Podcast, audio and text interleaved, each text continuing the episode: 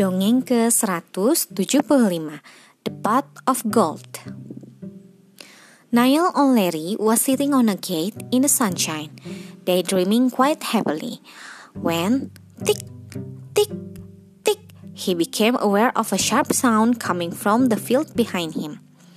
Now, what on earth can that be? Niall wondered to himself. It's too loud to be a grasshopper, and it's too quiet to be a bird. It went. Niall O'Leary swung his legs over the gate and turned around. He blinked in astonishment. There, in the long grass of the field, was the tiniest man Niall had ever seen, no higher than his boot. The tiny man had his back to Niall, but Niall could see that he was dressed in all green, with a long white feather in his cap.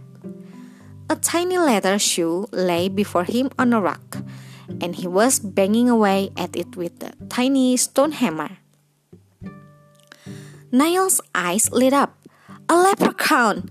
A real live leprechaun! Niall licked his lips greedily. Every tiny leprechaun had a huge pot of gold hidden somewhere. And as everybody knew, if you caught hold a leprechaun and squeezed him tightly enough, he would have to tell you where his treasure was buried. Quietly, Niall O'Leary got down from the gate. Tick, tick, tick went the leprechaun's hammer. Quietly, Niall O'Leary crept through the grass Tick, tick, tick went the leprechaun's hammer. Quietly, Niall O'Leary reached out with his large, meaty hands. Gotcha! cried Niall O'Leary, and squeezed and squeezed the wriggling leprechaun with all his might. Oh! cried the leprechaun. Let me go, you big bully! Tell me where your gold is, and I will, boomed Niall. I can't tell you anything while you're squeezing the breath out of me, the leprechaun gasped, looking rather purple.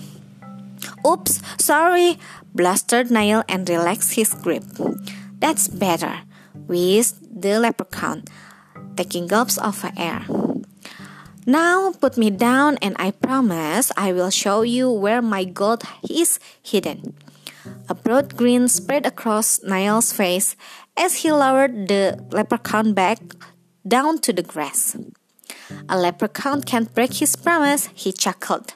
No, grumbled the leprechaun rather crossly. And my gold is buried under here. He leapt a few steps into the middle of the field and pointed at a clump of dandelions. You'll need a spade, mind, the leprechaun added thoughtfully. You'll have to dig quite a way down. Niall's face fell. But I haven't got a spade with me, he said glumly. What shall I do? Why don't you tie your handkerchief around it so you don't forget where the gold is buried? The leprechaun suggested. Then hurry back home and fetch a spade. I promise on my word of honor that I won't untie the handkerchief. Niall's face brightened once again. What a great idea! He beamed. He fumbled in his pocket, brought out a rather grubby red silk handkerchief, and tied it around the clump of dandelions.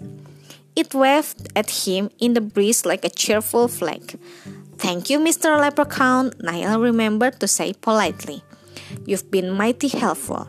Then, in a few strides, he was back over the gate and way home, humming merrily. As soon as Niall had grabbed the biggest spade he could find in the garden shed, he set off back to the field at once. All the way down the lane, he daydreamed of what he would do with the gold. But when Niall O'Leary reached the gate, he stopped stone still and his mouth hung open. He dropped the spade and scratched his head. Well, blow me down, gasped Niall. All over the field, Thousands of red silk handkerchiefs were tied into clumps of dandelion and fluttering in the breeze. And Niall could hear the sound of leprechaun leather floating over the grass on the wind. So, Niall O'Leary never got his pot of gold after all. But that is how he came to own the most successful silk handkerchief shop in Ireland. Sekian, terima kasih telah mendengarkan. Selamat malam.